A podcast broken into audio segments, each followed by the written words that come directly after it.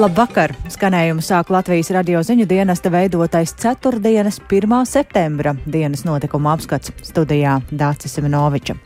Raidījumā stāstīsim par to, ka ar pedagoģu streika draudiem fonā mācību gadus, gadu sāk vairāk nekā 219 tūkstoši skolēnu. Es nezinu, tas nav nekas, tas nav nekas baigi īpašs priekš manis. Ļoti priecājos satikt klases biedrus un iesākt jaunu gadu. Kaut kā šogad ļoti gribu skolu. Tas... Uh, vasara varētu būt mazliet garāka, bet ir labi. Cenu kāpuma dēļ ģimenes skolai gatavojas ar pārdomātākiem pirkumiem. Nu, es mēģinu pirkt ar atlaidēm, vienalga ir jāpērk. Šobrīd tā kā ir akcijas, tad mēs izmantojam to iespēju, lai būtu lētāk visu varētu sapirkt. Ir sarežģītāk, kad es skolā gāju, tad bija jāpērk arī visas grāmatas. Nu, šobrīd vismaz tas ir. Jā. Zaporīžas atomelektrostacijā Ukrainā ierodas Startautiskās atomenerģijas aģentūras misija, un ANO ziņojumā konstatēti vairāki cilvēktiesību pārkāpumi pret uiguriem Ķīnas Sindzjānas reģionā. Arī par to vairāk šīs dienas raidījumā.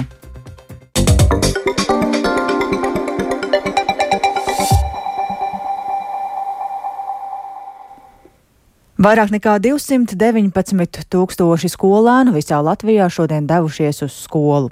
Jaunajā mācību gadā durvis ver 568 izglītības iestādes, tomēr mācību gadam sākoties ir arī daudz izaicinājumu. Pedagoģu trūkums, iespējamais streiks un skolas gaitas Latvijā sāk arī ukraiņu bērni.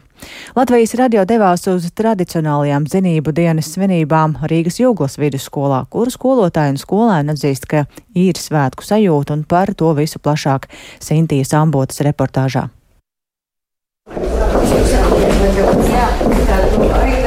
Rīgas Jūglas vidusskolā, kur mācās teju pusotras tūkstotis skolēnu, zinību dienas rīts mazliet rāms, un skolas gaitaņos brīžiem parādās skolotājs, bet skolas stadionā palēnām pulcējas bērni ar ziedu klēpiem, lai sveiktu klašu audzinātājs. Labrīt, mīļie skolas biedri! Labrīt mūsu skolai! Un labrīt visai jūglai! Jūglas skolas pagalmā satiktie dažādu vecumu skolēni dalās savās pārdomās par mācību atsākšanu. Kas ir labs skolotājs? Skolotājs, kurš uh, nestāsta tikai no grāmatām, kurš arī dod pats kā, no savas dzīves pieredzes. Es mācīšos 8. viņa 6. Māsas? Jā. jā. Ir svētki, nav svētki. Kā ir sajūta? Man, jā, es personīgi ļoti priecājos satikt klases biedrus un iesākt jā. jaunu gadu. Kaut kā šogad ļoti gribu skolu. Es gribu, lai man labas atzīmes, un man šogad ir ļoti liela motivācija. Un tev? Uh, vasara varētu būt mazliet garāka, bet ir labi. Kurā klasē te ir? Piektajā. Piektajā. Kādas ir sajūtas par 1. septembrī? Diezgan foršas. Es tur dejošu. Ko dejos? Kaut kādu deju es aiznesu. Bet kas ir tas, ko parasti gribās 1. septembrī satikt? Skolotāju.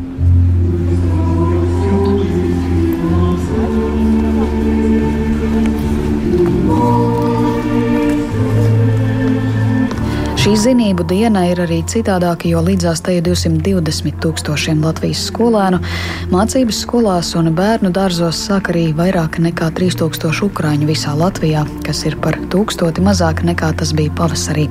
Juglas skolā es satiku 9. klases skolnieci Māriju no Zaporīžas, kas Latvijā ir jau kopš marta nogales. Ну, прошло уже много времени, я уже освоилась, я и город уже, в принципе, запомнила, друзей себе нашла. Ir pagājis jau ilgs laiks, un es esmu iegaumējusi jau pilsētu un adaptējusies šeit. Tāpat esmu atradusi sev jau draugus šeit. Tieši skolā ir mazliet nērti, jo daudz nezina krievu valodu, bet es pagaidām latviešu valodu zinu ļoti viduvēji un ļoti gribu to tagad kārtīgi iemācīties. Я хотела бы его выучить прям хорошо. Savukārt skolas direktore Helēna Vilkosta saka, ka netrūkst arī nezināmā šajā mācību gadā, proti neziņa par pedagoģu algām un streiku, kuru direktori izprot un atbalsta. Tāpat izaicinājums ir, kā izdosies aizpildīt tukšās vakances un cik labi izdosies integrēt ukraiņu audzēkņus mācību procesā latviešu valodā. Šeit mācīsies 12 skolēni no Ukrainas. Uztraukti ir ne tikai ukrāņi, bet ir uztraukti arī pedagoģi, kā labāk iemācīt, kā bērnam paskaidrot, kurā mirklī tā, lai viņš saprastu. Jo, protams, ka to vienā dienā izdarīt nevar. Un tā kā jau es teicu, ka tas vakanču skaits ir ievērojams, mums jau nav arī tādu resursu, lai mēs varētu ļoti iesaistīt citus palīgos. Ir 1. septembris. Personīgi jums kādas sajūtas šajā dienā? Svētku sajūtas, pilnīgi noteikti. Nākotnē ir tāda lieta, ko mēs nevaram paredzēt. To pierāda mūsu dzīve. Mums nepārtraukti kaut kas mainīgs, kaut kas plūstošs, kaut kas pēkšņi ekstrēms. To pierāda karš Ukrainā. Es domāju, ka mums vienkārši jāiemācās baudīt šis mirklis. To, ka mēs darām to, ko varam izdarīt, izdarām labi, pēc savas sirdsapziņas. Šogad Latvijā ir arī izmaiņas pašvaldību skolu tīklā. Slēgtas četras sākuma skolas, 18 pamatskolas, četras vidusskolas, 8 pirmskolas iestādes un viena speciālā pamatskola. Savukārt 18 skolas apvienotas, izveidojot piecas iestādes. Sinti Ambote, Latvijas radio.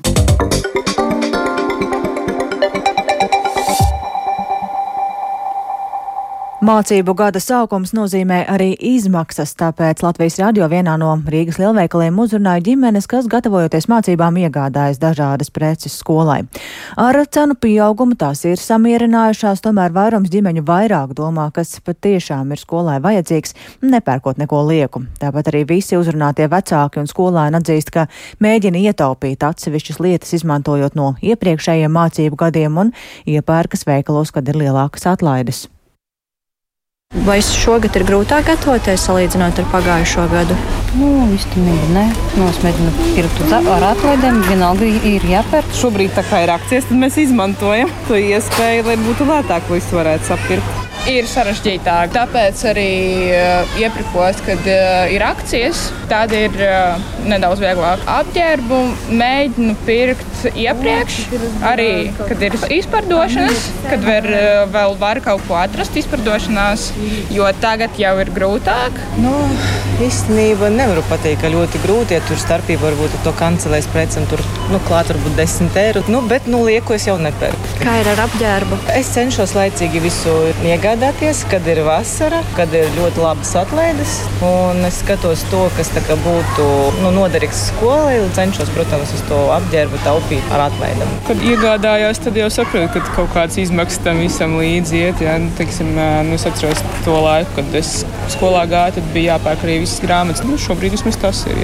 Un kā ir ar apģērbu? Nu, tāpat jau viss tas jau ir. Nu, tāpat jau ir dārziņš bijis, pirms tam tāpat ir kaut kāds ārpus izglītības iestādes, sporta nodarbības. Tas bērns aug. Un, protams, to, tas viss ir jāmaina, bet tas jau nav nekas tāds ārkārtējs. Nav jau tā kā skafandrs jāpērk.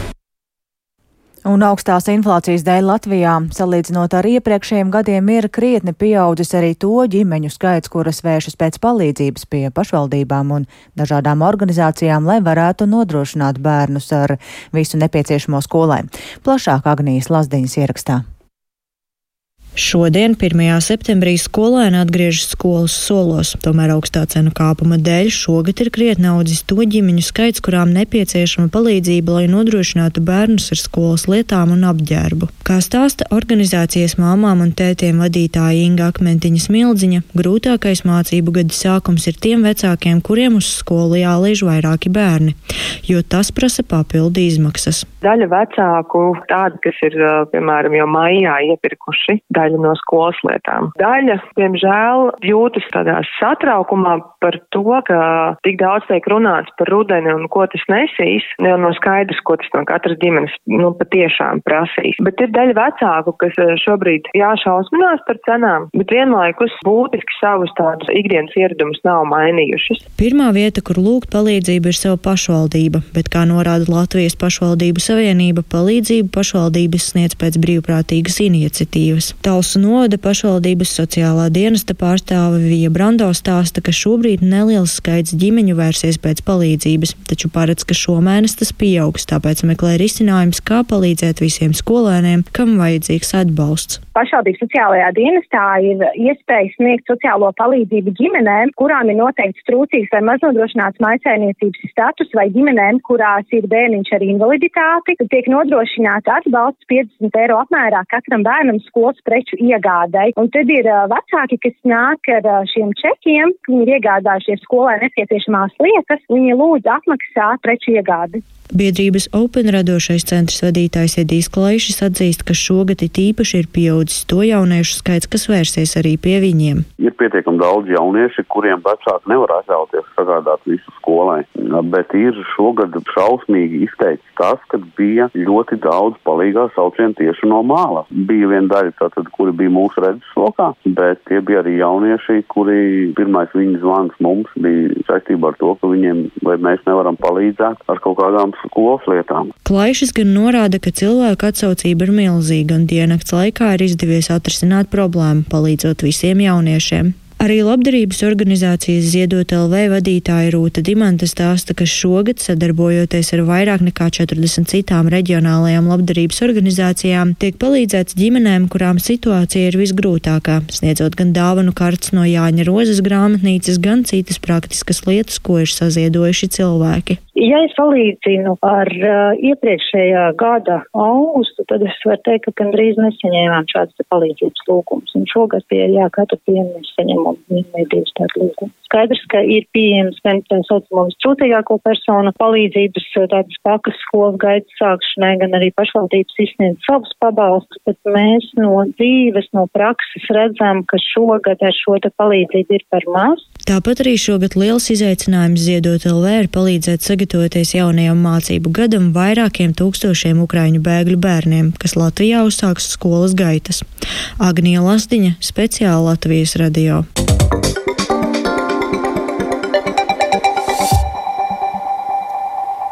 Vēlējumus zinību dienā izteikušas arī amatpersonas, tāpēc, piemēram, izglītības un zinātnes ministra Anita Mužniec no konservatīviem novēl ikvienā dzīves situācijā spēt saskatīt ko vērtīgu un pozitīvu, kā arī būt par labiem līdz cilvēkiem saviem apkārtējiem. Rīgas mērs Mārtiņš Stāķis aicināja Rīgas skolēnus draudzīgi savās klasēs uzņemt ukraiņu bērnus, un valsts prezidents Egils Levits akcentēja, ka skolotājiem ir strateģiski svarīga pozīcija mūsdienu Latvijā, un, lai turpinātu valsti, ir nepieciešama jaunā paudze paudze. Un tieši skolotāji būs tie, kas sagatavo jauniešus ar izpratni par latviskajām vērtībām un dziļām zināšanām par pasauli. Bet pēc mēneša ir saimnes vēlēšanas, un vai izglītības nozarei sāpīgos jautājumus atrisinās jaunais saimnes sasaukums? 14. saimas kandidāti sola uzlabot, reformēt, attīstīt izglītību valstī, taču konkrētu risinājumu trūkst. Partiju un to apvienību sarakstu programmās ielūkojās Linda Spundiņa. Šobrīd būtiskākās problēmas nozarē ir pedagoģa atalgojums un slodzes. Visi kandidāti apzinās, ka algas vajag palielināt, taču skaidri piedāvājumi ir vien dažiem politiskiem spēkiem, pārējiem ir cieņpilnu atalgojumu, prestižam atbilstošu, taisnīgu un tā tālāk. Jaunā vienotība sola gādāt, lai skolotāja darba samaksa par 20% pārsniegtu vidējo darba samaksu valstī. Progresīvie savā programmā raksta, pedagogiem panāksim sabalansētu slodzi un atalgojumu vismaz valsts vidējā algas līmenī. Vairumā partiju programmu iekļauts mācību valodu jautājums. Par skološanos tikai latviešu valodā programmās atzīmē konservatīviem, jaunā vienotība, Nacionāla apvienība progresīviem. Savukārt saskaņa norāda, ka jānodrošina plašākas iespējas izvēlēties mācību valodu. Stabilitātei ir par izglītību dzimtajā valodā, un Latvijas-Krievu savienība aizstāvēs tiesības uz brīvu krievu un citu valodu izmantošanu izglītības sistēmā visos līmeņos. Vēl partiju sarakstos parādās solījumi par brīvpusdienām dažādās vecuma grupās. Protams, ir arī solījumi par Latvijas augstskolu iekļūšanu dažādos topos. Un ir vēl pāris piedāvājumi, kas nedublējas no programmas uz programmu. Jaunā vienotība sola ieviest obligātu vidējo izglītību, iekļaujot arī gala eksāmenu kādā no dabas zinātņu priekšmetiem. Savukārt Nacionāla apvienība vispārējās vidējās izglītības saturā grib iekļaut valsts aizsardzības apmācību, taču progresīvie grib veselības mācību.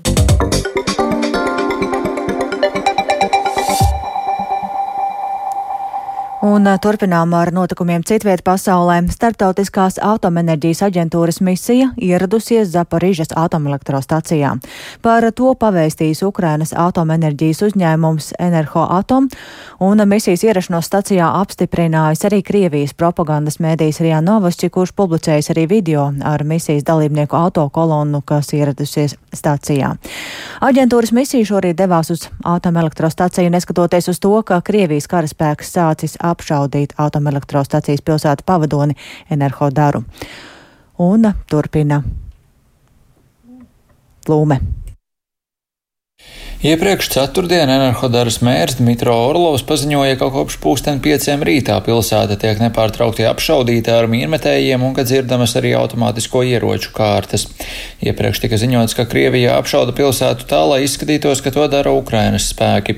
Ukrainas atomenerģijas uzņēmums Enerhoatom vēl šodien vēstīja, ka Krievijas okupācijas spēku kārtējā mīnmetēja uzbrukuma rezultātā Zaporīžas stacijas teritorijā šorīt nodarbojās avārijas aizsardzība un tika atslēgts piektais energobloks, kas noticis jau otro reizi pēdējo desmit dienu laikā.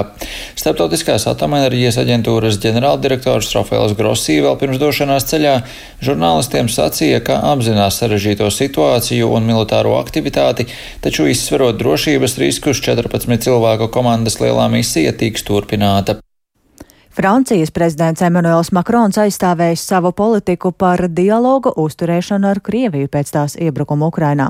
Viņš Francijas vēstnieku sanāksmē Elizejas pilī norādīja, ka Turcijai nevajadzētu būt vienīgai valstī, kas uztur dialogu ar Maskavu, un uzsvēra, ka jāgatavojas sarunām par miera noslēgšanu starp Krieviju un Ukrainu. Vairāk stāsta Vendija Maslabojeva.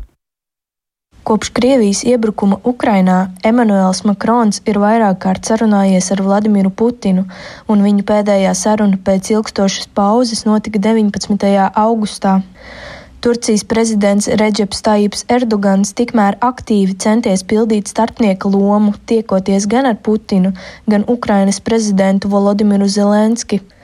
Makrons aicina pasaules lielvaras gatavoties sarunām par miera panākšanu, lai izbeigtu Krievijas un Ukrainas konfliktu. Viņš arī norādīja, ka Eiropai jāsaglabā vienotība un ka šis karš nedrīkst sašķelt Eiropu.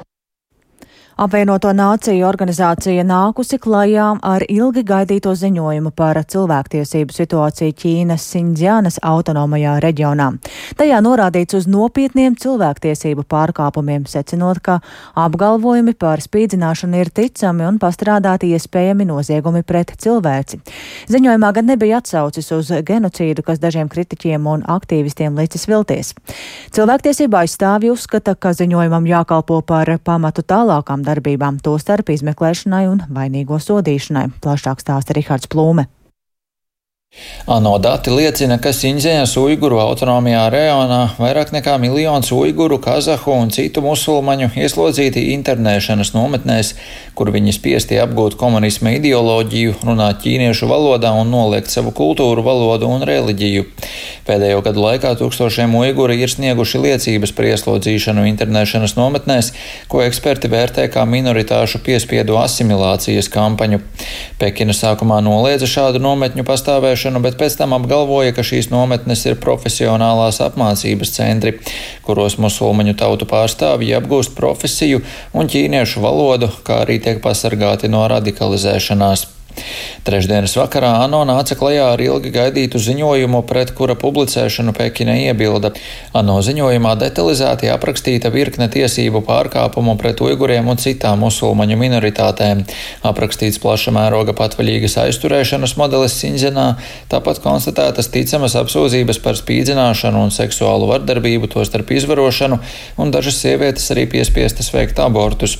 Tāpat ziņojumā teikts, ka Ķīnai ir ārkārtīgi plašas ekstrēmismas terorisma interpretācijas, kas nosaka kriminālu atbildību par darbībām, kas saistītas ar kultūras un reliģiskās dzīves baudīšanu. Atrastas arī norādes, ka nodarbinātības programmās Sinzenā varētu būt iekļauti piespiešanas elementi. Ziņojums tika gatavots aptuveni gadu. ANO augstā cilvēktiesību komisāra Mičela Bačeleta bija apņēmusies ziņojumu publicēt pirms augusta beigās, beidzās viņas četru gadu pilnvaru termiņš. Ziņojums tika publicēts vien 13 minūtes pirms pusnakts pēc Ženēvas laika. Bačeleta uzsvēra, ka bija apņēmusies ziņojumu publicēt un to arī izdarīja, neskatoties uz dažu valstu īstenoto nopietno cilvēktiesību jautājumu politizāciju. 49 lapuses garajā ziņojumā teikts, ka pasaulē tagad ir jāpievērš steidzama uzmanība cilvēktiesību situācijai reģionā. Startautiskā cilvēktiesību aizstāvības organizācijas Human Rights Watch Ķīnas direktore Sofija Richardsone uzsvēra, ka ziņojumam vajadzētu kalpot par pamatu tālākām darbībām, un ANO cilvēktiesību padomai tagad vajadzētu izmeklēt Ķīnas iespējamos noziegumus pret cilvēci un saukt pie atbildības vainīgos. Savukārt organizācijas pārstāvis Pīts Irvins uzsver, ka ziņojums ir neticami spēcīgs spēcīgs.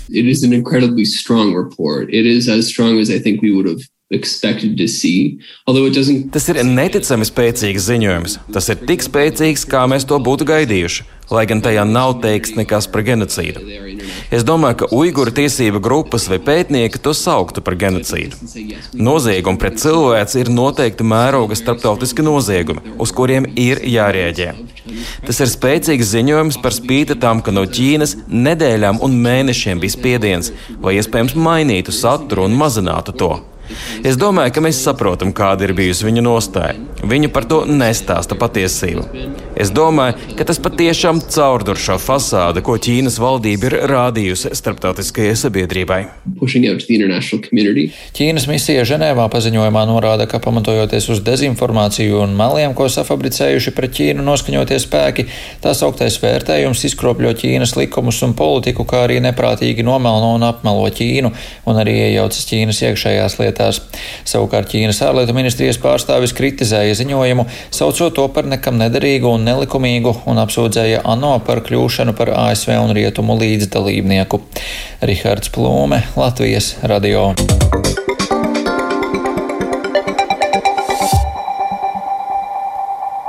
Liepājas ostas uzņēmēji šobrīd mēģina strādāt sarežģītos apstākļos, pārkraujot arī sezonas aktuālāko produktu graudus.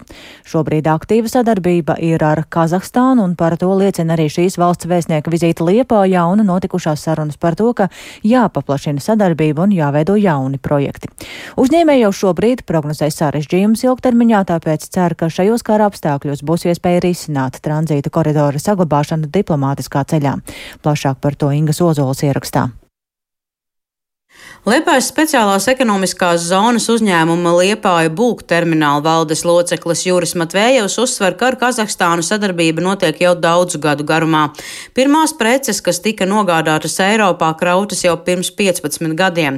Sekoja arī pārtraukums saistībā ar loģistiku un lielajiem attālumiem, taču tagad sadarbība atkal pastiprinās. Līdz ar to, kā cenas pasaulē ir kāpušas augšā, Kazahstānas preces tāpēc arī tik aktīvi atgriežas eh, uz Baltijas valstīm. Šobrīd no Kazahstānas jau pārkrautas un uz Eiropas tirgiem nogādātas vairāk nekā 50 tūkstoši tonnas, turpina Juris Matvējevs. No 1. oktobra sāksies jaunā sezona, jaunā raža kas Kazahijā nav nemaz tik slikta. Uzņēmējs pauž cerību, ka Liepājas ostā vairāk ienāks arī lielāka izmēra kuģi un par rezultātiem varēs spriest gada beigās, paužot cerību, ka graudaugu pārkraušanas sezona būs aktīva. Tajā pat laikā visa esošā situācija var radīt sekas ilgtermiņā. Liepājas speciālās ekonomiskās zonas pārvaldnieks Ulris Miļevskis skaidro, ka kaut ko prognozēt nav iespējams, taču vismaz šobrīd grau plūsma caur Krieviju turpinās. Kazahstānas Uzbekistānas kravām Krievija tiek izmantot kā šis transporta koridors, tieši tāpat tās otrādi. Uldis Kmiļevskis uzsver, cik šobrīd ir svarīga sadarbība ar Kazahstānu un kādi ir šī brīža kravu veidi. Gan alumīnijas, gan ferosakausējumi, gan, gan labība, gan ogles. Pretējā virzienā ir sojas spraukuma kravas un cukurs, kā arī dažādas tehnikas. Uzņēmējs Juris Matvējevs uzsver, ka šobrīd jāstrādā apstākļos, kad pasaule apgriezusies ar kājām gaisā, tāpēc saglabāt tranzīta koridoru ir ļoti svarīgi. Diplomātiski tomēr vajag skatīties uz visām iespējām, kā to saglabāt, jo aiz tā visa stāv tūkstošiem, desmit tūkstoši darba vietu. Mēs nevaram neko attīstīt, mēs nevaram neko investēt. Dēļ tā situācijas, kad uh, nav skaidrība par nākošo dienu, nav skaidrība par nākošo gadu. Zināms, ka jau septembra vidū Liepājas speciālās ekonomiskās zonas vadība ar vienoto zīmolu Vijā Latvija piedalīsies starptautiskajā transporta un loģistikas izstādē un konferencē, kas norisināsies Almatā, Kazahstānā, kopā ar Rīgas un Ventspils brīvostu valdēm un valsts akcijas sabiedrību Latvijas dzelzceļš. Ingozola Latvijas radio kurzemē. Un vēl gan aktuālus jautājumus provocējošas, gan meditatīvas norises šogad veidos īgadējās Baltās nakts programmu, kas Rīgā notiks no sestdienas uz svētdienu, un kopā būs vairāk nekā 20 dažādas instalācijas, performances, izstādes, izrādes, kā arī diskotēkas, ko šogad rīkos gan dzēnieki, gan arī ar mūziku aizrāvušies arhitekti. Līdzās Rīgas centram būs arī daudz pasākumu apkaimēs, Āgenskalnā, Ziepniekalnā, Čiekurkalnā, Pļauniekos, Baldarājā un vēl citvietu, un atsevišķi Baltās nakts darbi pilsētā pilsētvidē jau apskatāmi no šodienas, taiskaitā instalācija Basteikalnā un Ziedoņdārzā. Ar to izskan dienas notikuma apskats producents Edgars Kopčs, ierakstus montēja Renārs Šteimanis par labskaņu rūpējās Rita Kārneča un studijā Dācis Semenoviča. Vēl īsi par svarīgāko. Ar pedagoģu streika draudiem fonā mācību gadu sāk vairāk nekā 219 tūkstoši skolēnu. Cenu kāpuma dēļ ģimenes skolai gatavojas ar pārdomātākiem pirkumiem. Zaporižas atomelektrostacijā Ukrainā ierodas Starptautiskās atomenerģijas aģentūras misija un ANO konstatēja vairākus cilvēktiesību pārkāpumus pārkāpumus pret uiguriem Ķīnas Sindzjanas reģionā. Mūsu ziņām var sekot līdzi arī sabiedrisko mediju ziņu portālā LSMLV, tāpat arī raidierakstu platformās. Yeah.